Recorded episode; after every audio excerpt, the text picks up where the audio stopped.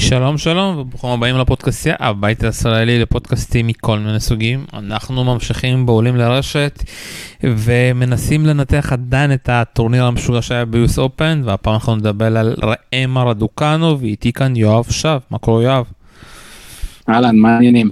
שמע, הבאתי אותך לא סתם, כי אה, מסתבר, שוב, אתה מאמן, אה, אתה יודע, אה, הרבה שחקנים ושחקניות מהארץ, וככה אוזן לחשה לי שהיא הייתה צריכה להגיע לכאן, והייתה איזושהי הזדמנות שגם אתה תאמן אותה כאן. כן, כן, אמה הייתה אמורה לשחק את הפיוטר בירושלים, והגיעו אליי, הסוכן שלה, ו... היא הייתה אמורה להגיע לכמה ימים של אימונים עם הבנות שלי ואחר כך לשחק את הפיוטר בירושלים, אבל עם uh, כל מיני, אתה יודע, בעיות פרוצדורה והלו"ז שלה והקורונה, היא החליטה לוותר על ירושלים. ועכשיו בוא, בוא ננסה להבין, אתה יודע, אתה מכיר את הרמות האלו, איך שחקנית שלא שיחקה, אפשר הבנתי, היא לא שיחקה בכלל, אתה יודע, בגלל הקורונה, והיא עשתה בעיקר לימודים, איך הגיעה למצב הזה, ועזוב את זה, אני, כאילו, מה שההישג שלה עכשיו, היא בכלל הגיעה, אתה יודע, לווימבלדון, זה היה הטורניר השני הבוגרים שלה, וכבר שם, אתה יודע, אנשים נבהלו מהכושר שלה, מהסגנון משחק שלה, מהדברים שהיא ראתה במשחק שלה. יכול להיות שהיא, לא יודע, זה מקרה, מה, מה קרה שם פתאום שזה התפוצץ דווקא שם? אני חושב שקודם כל אה, היא שיחקה בבית בווימבלדון, אה, קודם כל לא היה עליה לחץ, היא לא שיחקה כמעט אה, בקורונה תחרויות, ואני חושב שהמשחק הראשון שהיא ניצחה בווימבלדון פשוט נתן לה איזשהו ביטחון והכניס אותה לזון מסוים שהיא פשוט רצה איתו עד השמינית גמר.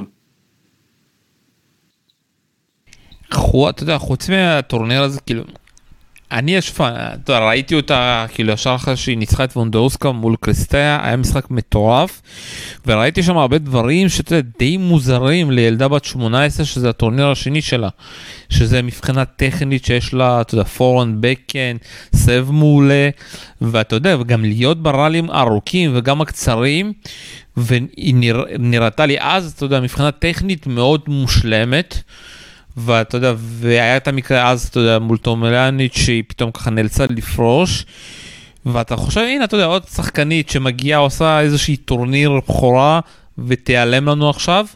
ופתאום, אתה יודע, מגיעה שבוע לפני ה-US Open לגמר בשיקגו, מפסידה לטוסן, עולה מהמוקדמות ועושה את מה שהיא עושה. איך, שוב, אני מנסה עדיין להבין. איך אפשר, אתה יודע, בגיל כזה להיות מבחינה טכנית כל כך אה, מושל... לא מושלמת אפשר להגיד, אבל אתה יודע, היא יודעת בדיוק מה לעשות בכל נקודה ו...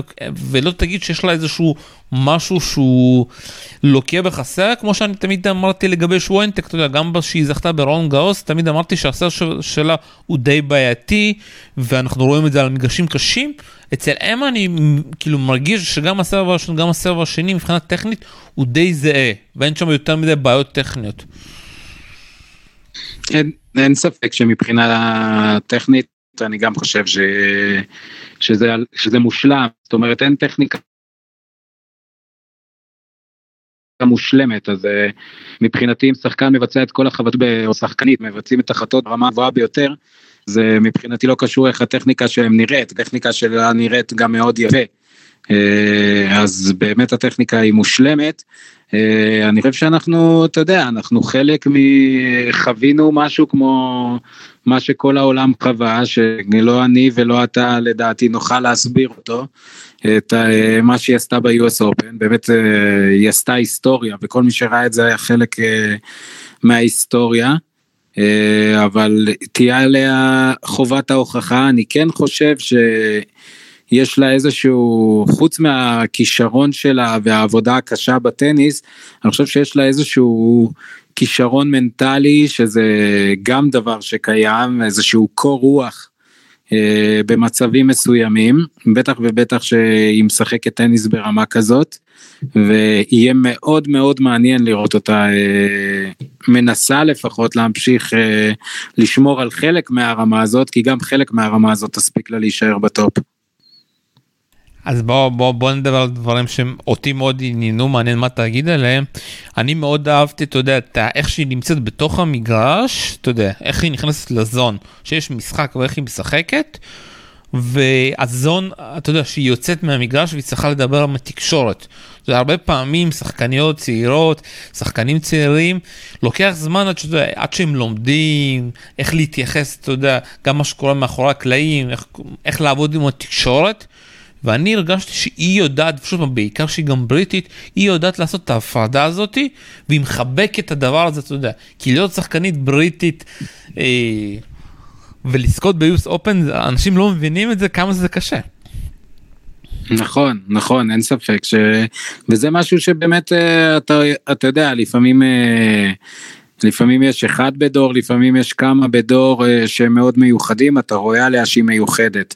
גם באיך שהיא מתראיינת, גם איך שהיא, איך שהיא מסבירה את הדברים ואיך שהיא מתייחסת לדברים בצורה הרבה יותר בוגרת מהגיל שלה. ו...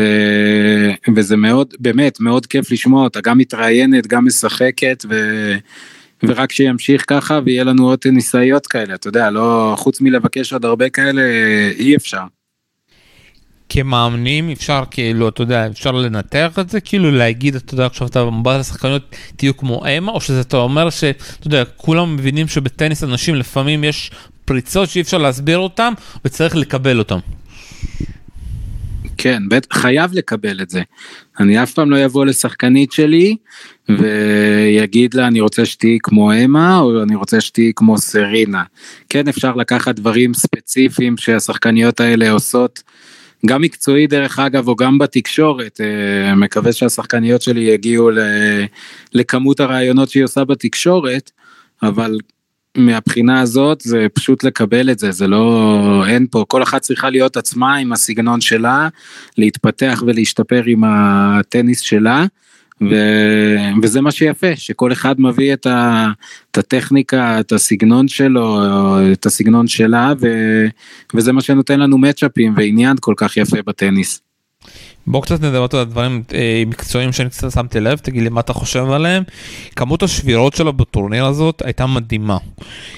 ואתה יודע זה די אותי הפתיעו שתי דברים קודם כל מבחינת אחוז הסרב הראשון גם בנצ'יץ', גם סקארי, גם פרננדס, לדעתי זה ירד מתחת ל-60 אחוז, והיא מנצלת את זה כדי, אתה יודע, ללכת בסרב השני, היא גם עומדת רחוק יותר, אתה יודע, כמו שאפשר להגיד בשכונה כזה, עומדים מול סרבים חלשים, ותוקפת את זה.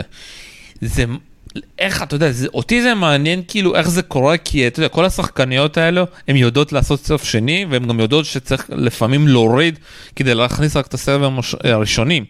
אבל אם גם תראה אתה יודע מול אה, טורמו הספרדיה זה נגמר שם 6-0-6-1 שהמשחקון הזה של האחד שטורמו לקחה לקח לה 7 דקות לקחת אותו. ו... אותי כאילו הטקטיקה הזאת היא די מובנת אבל היא די, אני די הופתעתי שהיא עשתה את זה. אני, אני לא כל כך הופתעתי, אני חושב שהריטרן שלה מעולה ואני חושב שכן אם היא מרגישה בנוח היא כן צריכה לעמוד באזורים שנוח לה בשביל לקחת שליטה ולהיות התקפים, התקפית בריטרן. Uh, אני חושב שזה דרך אגב זה אחד מהדברים שנתנו לה כל כך הרבה ביטחון בסרב שבטח תדבר עליו עוד מעט אבל זה דבר אחד בתוך המשחק משפיע על דבר אחר. ובטח ובטח שהיא מרגישה כל כך נוח בריטרן שלה והיא יודעת שהיא שוברת כל כך הרבה פעמים אז זה אקסטרה ביטחון בסרב ולעשות טיפה יותר דברים בסרב.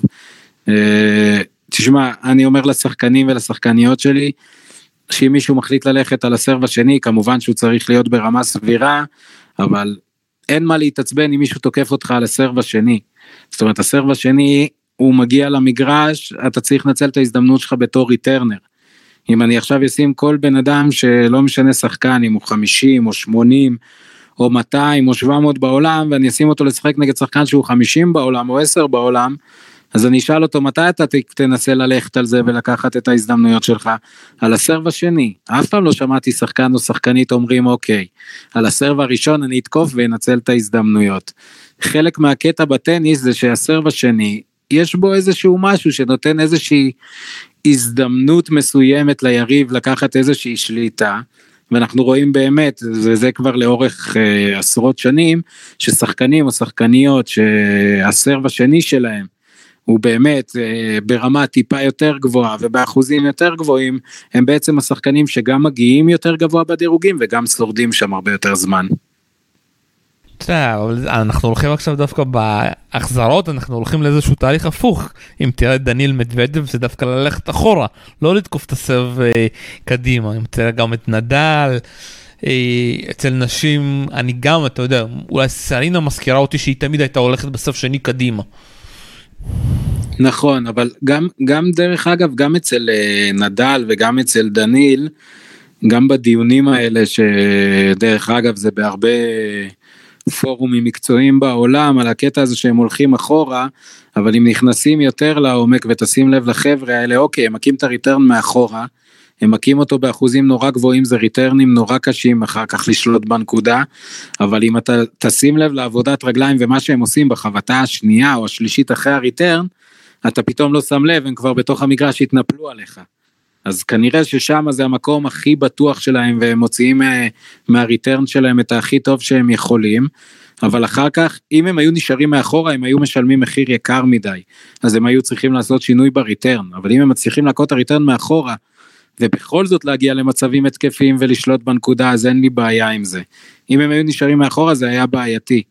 אותו דבר כמו אמה ספציפית פה או כל שחקן או שחקנית אם מישהו עומד קרוב ורוצה לקחת שליטה והוא מצליח בזה, אין לי בעיה עם זה, זה מעולה, אני בעד לתקוף על הסרב השני.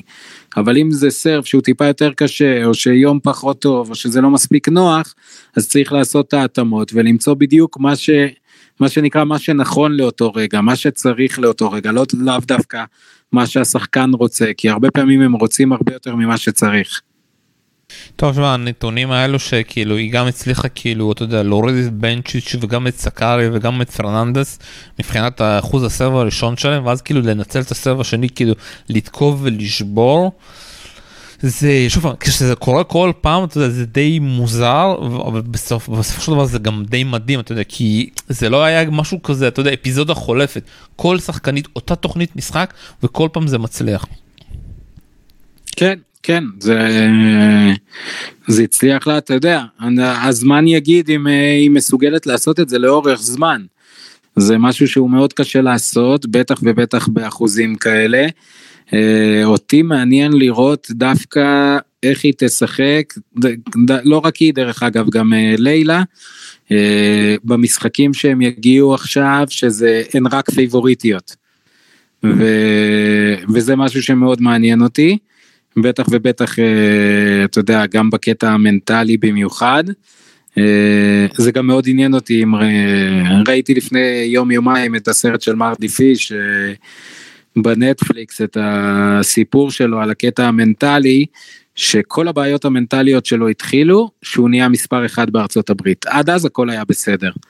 אז זה יהיה מאוד מעניין לראות איך היא תתמודד עם זה. כרגע, לפי איך שהיא מתנהלת עם התקשורת, לפי דעתי היא תהיה בסדר גמור. זאת אומרת, אם היא תמשיך ככה, נראה שהיא שולטת בכל הסיטואציות, גם על המגרש וגם בחוץ. שוב פעם, זה אתה קשה לדעת גם על אוסקה אמרו את זה, ועל עוד הרבה שחקניות. אה, ונגיע עוד יודע, לבעיות שהולכות להיות, בואו קצת נדבר על הסרב.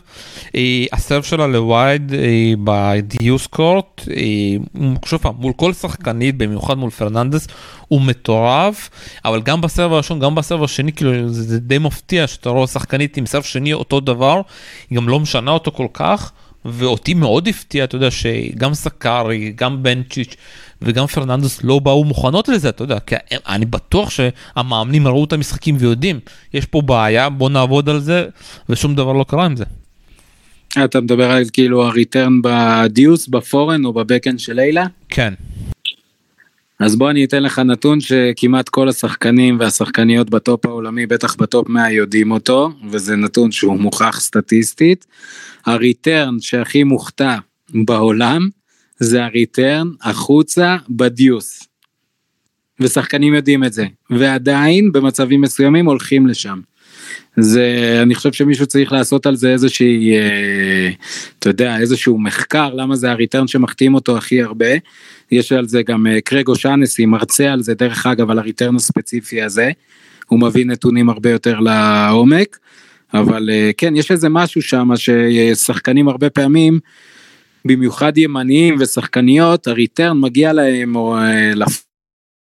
ואז זה איזושהי מין הרגשה שאתה יכול לעשות איתו מה שאתה רוצה וזה כדור שמגיע עם סלייס וזה תלוי בסוג המשטח איך הוא מגיע אליך אחר כך אם הוא בורח ממך יותר או פחות ואני חושב ששם גם שחקנים וגם שחקניות מנסים לעשות יותר מדי אה, בגלל ה, במרכאות ההרגשת נוחות הזאת. ו...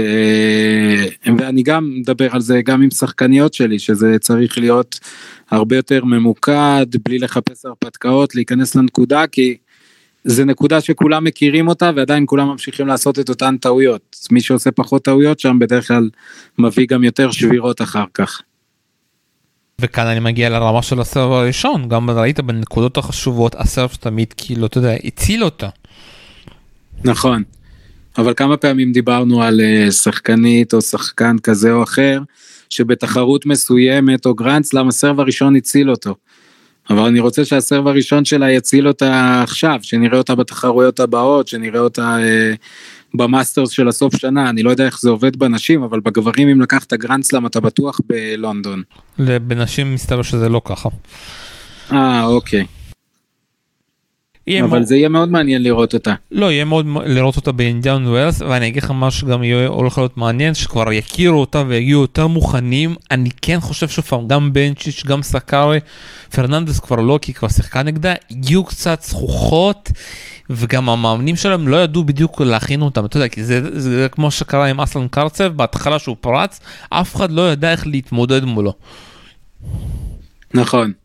נכון זה אני חושב אני חושב אבל שקשה לי להאמין שהן לא הגיעו מוכנות ברמות האלה בטח שמאמנים אה, מביאים את השחקניות מוכנות אני חושב שהן הגיעו מוכנות ואתה יודע לפעמים על המגרש אתה לא יכול לדעת איך אה, רק השחקן או השחקנית מרגישים באמת מה קורה על המגרש.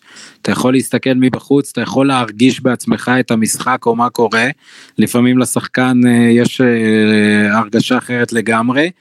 אה, הניצחון שאותי הכי הרשים מכל הניצחונות שלה בתחרות זה על בנצ'יץ'. כן, כי הסגנון של בנצ'יץ' היה צריך כאילו לגבור על הסגנון הזה והיא נכנסה שם לאיזשהו לופ של טעויות שהיא נכנסה כן, לבועה של כן. עצמה. כן, אני בכללי חושב שבנצ'יץ' היא ממש כאילו בטניס העולמי underrated. מאוד שמחתי שהיא לקחה אה, את האולימפיאדה.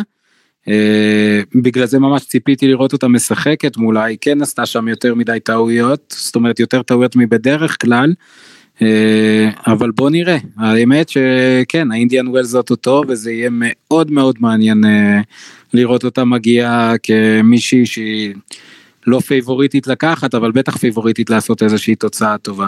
אני אגיד לך מה כאילו מה שהפתיע אצלי אצל בנצ'י וגם אצל סגארי שהן, אתה יודע, עולות מול שחקניות שהן מכירות, יותר קל להן, אתה יודע, שאם יש 200 פעם סבלנקה ברטים כבר יודעות את אחת השנייה, אין מה להפתיע. כשאתה עולה מול אמה, אה, אתה כאילו מגיע עם איזושהי תוכנית, ואז יש איזשהו בלאגן, אתה יודע, פתאום היא נכנסת למשחק, מה שקרה בדיוק גם מול לסקארי וגם לבנצ'יש, ואז הם נכנסו לאיזשהו לופ שקורות להרבה שחקניות דווקא בסבב נשים, הגברים יותר יודעים לצאת מסיטואציות קשות. שתגיד לי גם אם אתה רואה את זה אצל השחקניות שלך, שהן כאילו נכנסות לאיזושהי בעיה, והן כאילו. זוכרות עדיין את הגיים הקודם, מה שקרה לפני שעה, ומתקשות כאילו לחשוב מעבר ל... למה שקורה במגרש. וזה מה שהרגשתי גם אצל בנצ'יץ' ובנצ'יץ' שאנחנו מכירים אותה, אם היא נכנסת לאיזשהו לופ שלילי, זה מומנטום שאם אין הפסקת גשם זה לא נגמר. כן, כן, אני אגיד לך, אה, אם ראית במקרה את ה... מסיבת עיתונאים של אה, סבלנקה אחרי המשחק עם לילה, היא אחת המסיבות עיתונאים הכי טובות שראיתי של שחקנית. אה, היא הגדירה את הלופ הזה כמשהו שנקרא לחץ בזמן אמת. שאתה favorite ודברים פחות מסתדרים לך וכן הם נכנסו, היא נכנסה לאיזושהי loop כזה אתה יודע גם זה קורה לשחקניות בכל הרמות שכאילו כמה גיימים לא טובים אם אתה לא מצליח להתנתק מזה ואתה לוקח את זה איתך אז אם יש שחקנית בצד השני שגם משחקת טוב, גם עם ביטחון ויודעת מה היא עושה, אז אין ספק שכמה דקות כאלה יכולות להרוס משחק. ואני חושב שלא משנה כמה ההכנה של המאמנים או של השחקניות הייתה טובה, בסופו של דבר גם בנצ'יץ' וגם סקארי, הם יכלו לראות את אמה גם במשחקים שהיו לה, ואני בטוח שהם ראו וידאו שלה והם עבדו טקטית עם המאמנים לפני המשחק, אבל בסופו של דבר הפעם הראשונה שהם הרגישו איך הכדור של אמה מגיע, זה נטו שהן עלו למגרש, אבל אני בטוח שיהיו התאמות וזה ייראה אחרת בפעמים הבאות מבחינת ההרגשה, כי לפעמים בפעם הראשונה שאתה פוגש שחקן פתאום זה מפתיע אותך, זה יכול להיות וואו, ואתה צריך לעשות את ההתאמות האלה, ואני חושב שהיתרון של אמה הייתה שהיא הייתה אנדרדוג. לגמרי אה, את המסיבת עיתונאים אני שלחתי לך את זה אה, בוא אתה יודע שוב נכון בוא נדבר על זה קצת אה, ספלנקה זה למשל הדיסוננס הזה בין השחקנית שבמגרש אם היא נכנסת ללחץ היא יכולה פשוט להרוס את עצמה וכמו שהיא אמרה את הסט הראשון היא לא עשתה כלום אני הרסתי את עצמי לבין הדיסוננס הזה שבמסיבת עיתונאים היא יודעת בדיוק מה הבעיות שלה והיא פשוט לא יכולה לשלוט שהיא נמצאת על המגרש. זה אתה מכיר עוד כזה דיסוננס בין הבן אדם בתוך המגרש ובין הבחוץ? אני מכיר עוד 50 דיסוננסים כאלה. אני מכיר כל כך הרבה דיסוננסים כאלה גם עם שחקנים שהיו לי ואתה יודע זה הרבה פעמים אתה גם בשיחות עם השחקן או השחקנית אתה מנסה להבין גם תוך כדי משחק גם אחרי משחק איך הם לא מצליחים להביא את האופי ואת השקט ואת הבהירות הזאת בניתוח אל תוך המגרש. והדבר היחיד שאתה יכול לעשות זה להמשיך לעבוד קשה ולאמן את זה ולקוות שבאמת, אתה יודע, ברגע שזה יקרה והם יצליחו לעשות את זה באופן קבוע, זה יהיה שינוי רציני גם ברמה ובטח שבדירוג. אז אי אפשר להסביר את זה, זה משהו מולד כאילו, מה, אני באמת לא מצליח להבין, יש את הדיסוננס הזה. זה קשה מאוד להסביר, תאמין לי, אני לפעמים, אה, אתה רואה גם בתחרויות הקטנות והגדולות, אתה יודע, שחקנים ש... או שחקנות שמאוד מאוד אה, רגועים ושקטים והכל, ואתם מגיעים למגרש ובשנייה שהם מאבדים את זה, אתה אומר שזה לא אותו בן אדם. זה, אני חושב שזה יותר עבודת מחקר ל... פסיכולוגים slash אה, פסיכיאטרים על בודדים מהם. אתה יודע מישהי כבר יכולה להגיד שהיא עשתה את האקזיט של הפסיכולוגית של דניאל אה, מדוודב. כן כן. הבן אדם שהוא היה שהיא התחילה לעבוד איתו למה שהביא אותו ל US Open זה שמיים וארץ. לגמרי לגמרי אני כל כך אוהב לראות אותו משחק. טוב אה, בוא אתה יודע דיברנו בוא קצת נדבר אתה יודע על העניין של הצעירות אתה יודע תמיד אומרים זה לא טוב לזכות שאתה צעיר זה לא טוב לפרוץ יותר מדי מהר. היא שווה פה יותר מדי שיאים אתה יודע וראינו כבר אוסטפנקו וראינו את אה, אה, שוונטייק אה, האם אנחנו יכולים לצפות פה משהו אחר ואתה יודע אני נותן לך עוד דברים פה היא בריטית. אני מוסיף לזה שאתה יודע היא גם אימא שלה סינית והיא נכנסת עכשיו לכל העניין של התקשורת הסינית. יש פה כל, כל כך הרבה אלמנטים. האם הפריצה הזאת, אתה יודע, לפעמים אומרים, לא טוב לפרוץ קדימה, אתה יודע, כל כך מוקדם, כמו שלגבי קוקו גוף, שהיא כמעט, אתה יודע, שלא רוצים שהיא תזכה מוקדם מדי, כי אומרים שזה יהרוס אותה, ואתה יודע, ובינתיים היא לא זוכה, אבל אני מאמין שהיא תזכה מתישהו, והשאלה היא כמה, עד כמה אתה מאמין בכל התזות האלו? לא, אני... לא מאמין שיש כזאת, אה, לא מאמין בתזה הזאת שזה מוקדם מדי או משהו כזה, אני חושב שאם מישהו צריך לזכות, והוא בשל לזכות, והוא היא בשלה לזכות, אז אה, הם זוכים. אה, במקרה של אמה, אני חושב שאחת השחקניות שהיא הכי מעריצה והיא גדלה עליה, וזו אחת השחקניות שהכי הייתי נהנה לראות משחקת טניס. קצת טניס נשים שהייתי רואה אז, היום אני רואה קבוע. אה, זאת אה, לינה הסינית.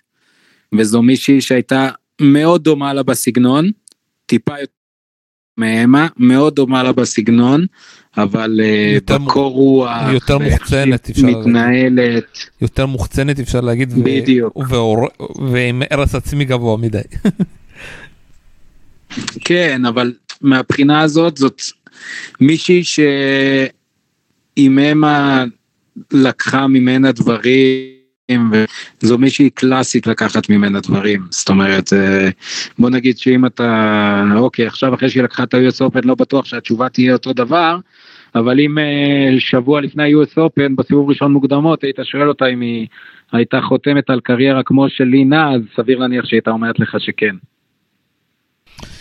לגמרי אז אתה אומר שכאילו כל הקטע הזה של הצעירות וזה זה דווקא לא יפגע בה? לא, זה יעשה לפי דעתי רק טוב לטניס. זה ייתן איזשהו boost לצעירות האלה, שהן כן יכולות לעשות את זה, שאין סיבה שהן לא יעשו את זה, זה לא חייב להיות אה, שחיה בגרנד סלאם, זה יכולה להיות מישהי בת 17, 18, 16 אפילו, שפתאום תראה אותה עוברת מוקדמות וסיבוב שניים בגרנד סלאם, ולהפך, זה ייתן דחיפה. כמו שיש לך קבוצה ואתה רוצה ש...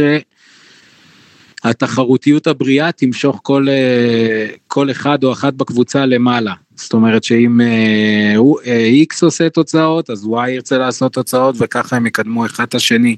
אז אני חושב שמה שהיא ולילה עשו הם נתנו בוסט רציני לבנות גם בשנתונים שלהם פלוס מינוס שנתיים וגם בטח ובטח של הבנות שהן בנות 12-13. שמע, אה, בוא נדבר קצת על הגמר, אתה יודע, לצערי בדקתי בפורום אצלי, אה, היו הרבה משחקים טובים, ושאלתי אותם מה המשחק הכי טוב שהיה, וכולם הצביעו על הגמר. ואתה יודע, זה, זה קצת לא עצבן אותי, אבל זה קצת, אתה יודע, מסביר איפה אנחנו נמצאים, שאנשים לא, לא רואים, אה, אתה יודע, טניס נשים. והתגובה הכי מצחיקה הייתה גם של uh, יורגן קלופ שהוא גם ראה כנראה פעם ראשונה כמו 7.2 מיליון uh, בריטים את הגמר ומאוד התלהב אתה יודע מגמר בין בת 18 לבין uh, מישהי בת 19 ואתה יודע הגמר שהם הביאו זה אחד הגמרים הכי טובים שבאמת כאילו אני, אני זוכר אפילו כי גם שתי צעירות וגם נתנו שם כאילו שזה לא גמר כאילו שהם משחקים עכשיו בערב הגמר בטורניר נוער. והשאלה, אתה יודע, כמה הגמר הזה באמת יכול לשנות את הטניס, יכול לשנות את הטניס הבריטי, יכול לשנות עוד הרבה דברים, כי בקנדה, שוב פעם, בקנדה יש שם תהליך, אתה יודע, זה, זה גם לא משנה מה לילה תעשה, כי יש שם כבר תהליך שעובד וימשיך לעבוד. אבל יכול להיות שזה, אתה יודע, זה ישנה את, את כל הגישה לטניס הבריטי. בטוח שקודם כל זה יעשה רק טוב לטניס הבריטי, בטח לטניס העולמי בכלל, ובטח של הטניס אה, הבריטי. אני אהיה כן איתך, אני האמת שעד... אה, ראיתי את הגמר, לא ראיתי יותר מדי אה, גמרים של גרנד סלאם נשים, ראיתי כמה, לא יותר משישה שבעה גמרים. כן, מבחינתי זה היה הגמר הכי טוב שאני ראיתי. אה, אני מאוד מאוד מקווה שיהיו לנו כמה שיותר לא גמרים כאלה, אתה יודע, כמה שיותר משחקים כאלה. זה בכלל לא משנה איזה סיבוב, ולא רק בטניס, אלא בהתנהלות, בגישה, ב... ב... אתה יודע, מה שהם הפגינו על המגרש, אתה יודע, הביטחון, זה... זה לא דבר שהוא מובן מאליו, לא למישהו עם המון ניסיון, בטח ובטח לא לשתי ילדות כל כך צעירות. ושוב פעם, היו שם את כל הדברים, אתה יודע, הרמה שהם הציגו בגמר גרנד סלאם, הם הצליחו להוציא את כל ה... אתה יודע, את כל הרעשים מסביב, וגם, אתה יודע, בסוף בנאום, מה שגם לילה אמרה, אתה יודע, ל-11 בספטמבר, כל ה... שוב פעם, אנחנו, זה, הם ילדות, אתה יודע, וזה להגיע לרמה כזאתי, גם בטניס וגם מבחוץ, מטורף. אז זה רק מראה לך שהרמת מקצוענות זה משהו אחר וזה הרבה מעבר לפורן ובקן היום אני יכול להגיד לך שגם אה, ה-ATP וגם ה-WTA יש פעם בשנה זה נקרא ATP WTA קורס אה, שמזמינים בסוף שנה כל פעם אתה מחויב לעשות את זה דרך אגב כל שחקן מחויב לעשות את זה פעם אחת וזה מביאים שחקנים זה מחזורים של 20-30 שחקנים ושחקניות. הם מגיעים, הם uh, עושים סדנאות של שלושה ימים עם תקשורת, איך מתנהלים עם תקשורת, דברים כאלה. כמובן שגם ב-WTA וגם ב-ATP אם אתה צריך עזרה עם התנהלות עם תקשורת, אתה יכול לבקש ויעזרו לך. Uh, אני חושב שספציפית אצל שתיהן, אין ספק שזה משהו שגם עבדו איתן עליו. שזה לא פחות חשוב אם הן הולכות לשחק ברמות האלה בטופ העולמי ולפי דעתי אצל אמה אמרתי בהתחלה לפי דעתי זה משהו מולד. זאת אומרת איכשהו כולם הרגישו שנולדה כוכבת. שזה אתה יודע זה מטורף כאילו יכול להיות שגם אתה יודע בגלל זה שהיא כבר נולדה לתוך זה אתה יודע הרבה אנשים וואו תקשורת וימבלדון והיא תמיד גם הזכירה טים אנדמן ואתה יודע גם ראו אותו קצת בוכה כי אנדמן למשל הלחץ הזה של התקשורת הרג אותו הרג אותו. והיא דווקא הצליחה לנצל את הלחץ הזה ואתה יודע כאילו שזה היא נולדה עם הלחץ הזה. כן כן. דרך אגב אני לא, לא מקנא בשנה הבאה בווימבלדון. אני תמיד הייתי שומע סיפורים על אה, הנמן והלחץ הזה בווימבלדון.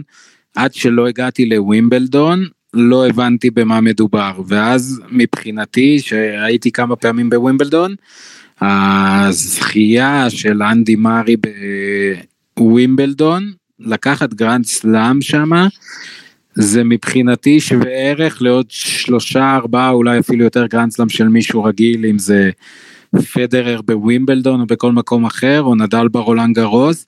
הכמות לחץ שיש על שחקן בריטי שהוא favorite לקחת ווימבלדון באנגליה היא לא נורמלית אני נתקלתי בזה אתה פותח מהדורת חדשות הם מדברים רק עליהם ומה הוא אכל היום, ומה הוא עשה, וזאת ההגרלה שלו, ופה הוא צריך לנצח שלוש סטים, ופה אולי הוא לא אמור להפסיד סט בכלל, ואתה פותח את העיתון בבוקר, והעיתון הוא 12 עמודים, עשרה עמודים על אנדי מארי. זה כאילו, זה, זה לא הגיוני הלחץ לחיות איתו ככה. וזה באמת, לי, מעניין אותי מאוד מאוד, כולם מדברים על מלבורן, אני מאוד מאוד מעניין אותי לראות אותה בווימבלדון שנה הבאה.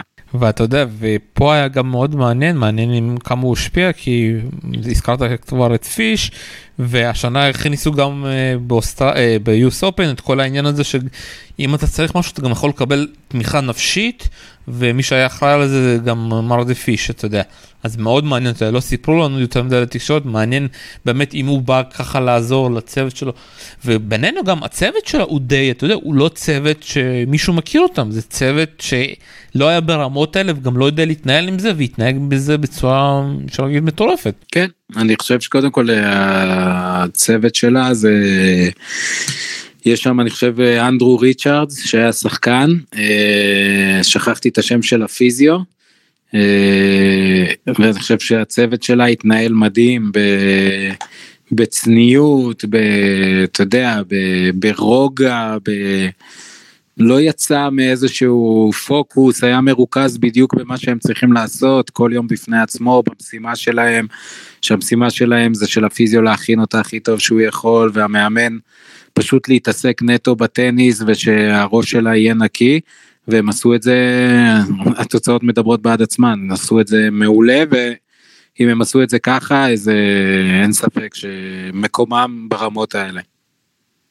כאחד שאתה מכיר שמגיעים שכן בלי שם איך זה באמת אתה יודע אפשר לצפות כאילו איך אפשר להתכונן או שאתה אומר מי שמגיע ומשהו עובד ממשיכים את זה כי אפשר ללכת גם לצוות של איגו שוינטק וגם הצוות שם היה חסר ניסיון והם המשיכו ברוטינות שלהם וזה עבד. אני חושב שהדבר הכי חשוב ששחקן יכול אה, לעשות שהוא בוחר את הצוות שלו אה, כמובן שזה צריך להיות אנשי מקצוע, אבל אה, אני חושב שאם אם הוא מרגיש מאוד בנוח ובטוח במאה אחוז בהכל ומרגיש חופשי על המגרש, אז אני כן חושב שגם עם צוות פחות מנוסה, אם הוא חושב שהוא טוב בשביל לקחת אותו לרמות הגבוהות, אז כן, אז אתה יודע, ניסיון אי אפשר לקנות, הצוות צריך לעבוד.